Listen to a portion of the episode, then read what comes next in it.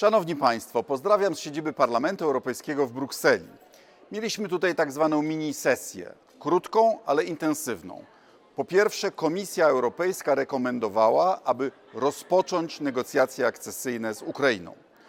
Do ich rozpoczęcia potrzebna jest jeszcze decyzja Rady, czyli szefów rządów państw członkowskich. Ma to mieć miejsce około 15 grudnia, więc jest szansa, że Polskę będzie reprezentował już premier Donald Tusk.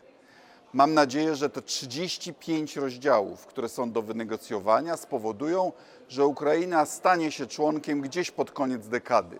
Choć nie wątpię, że jednym z trudniejszych rozdziałów będzie e, rolnictwo i że sprawa członkostwa Ukrainy też spowoduje dogłębną dyskusję o sposobie zarządzania samą Unią Europejską.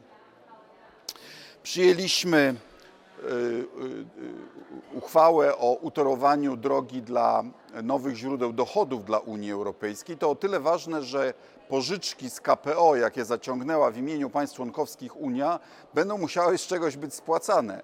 Albo z podwyższonych składek, albo, co dla nas korzystniejsze, z nowych dochodów Unii, no bo te siłą rzeczy e, będą płacone w większej proporcji przez państwa zamożniejsze. Oceniliśmy skuteczność sankcji Unii Europejskiej wobec Rosji.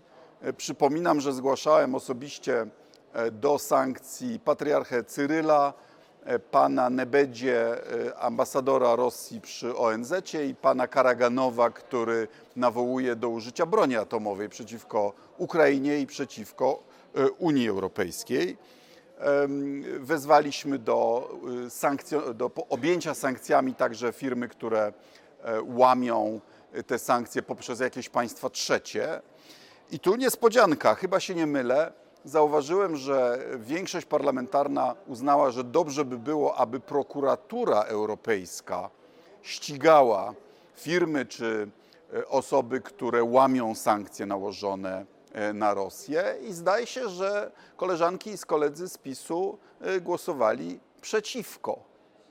Czyli mając do wyboru, kogo się boją bardziej, Rosji czy Unii Europejskiej, niestety znowu wybrali y, jako większe zagrożenie z Zachodu. Absurdalne. Y, Wreszcie przemawiałem w debacie na temat wyników szczytu Unia Europejska-Stany Zjednoczone. On się udał, ale dwie rzeczy spędzają mi e, sen z powiek.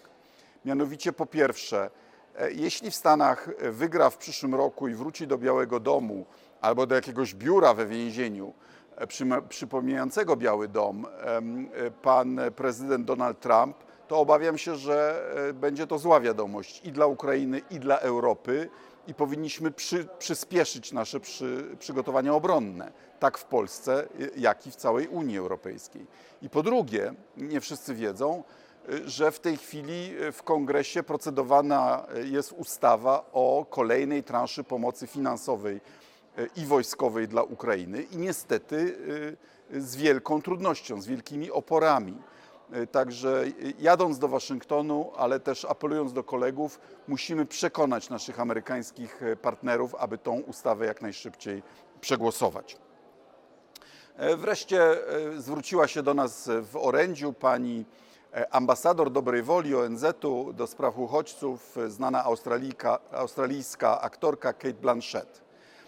Wiem, że sprawa uchodźców jest sprawą w Polsce kontrowersyjną, chociaż w każdym pokoleniu e, od 300 lat e, to my Polacy byliśmy uchodźcami, w tym ja osobiście. E, Jedna rzecz mnie uderzyła w jej przemówieniu, bo, bo podważa stereotyp. 90% uchodźców na świecie nie przebywa w Unii Europejskiej czy w Stanach Zjednoczonych, tylko to są uchodźcy z jednych bie- biednych krajów do innych biednych krajów. Wydaje mi się, że potrzebna jest nam w Polsce nierasistowska, rozsądna, bez uprzedzeń, poważna dyskusja e, o migracji i o uchodźcach. I wreszcie, proszę Państwa, w poniedziałek pierwsze posiedzenie nowego Sejmu po wyborach. Jako były marszałek zamierzam w nim wziąć udział. Do zobaczenia w Warszawie.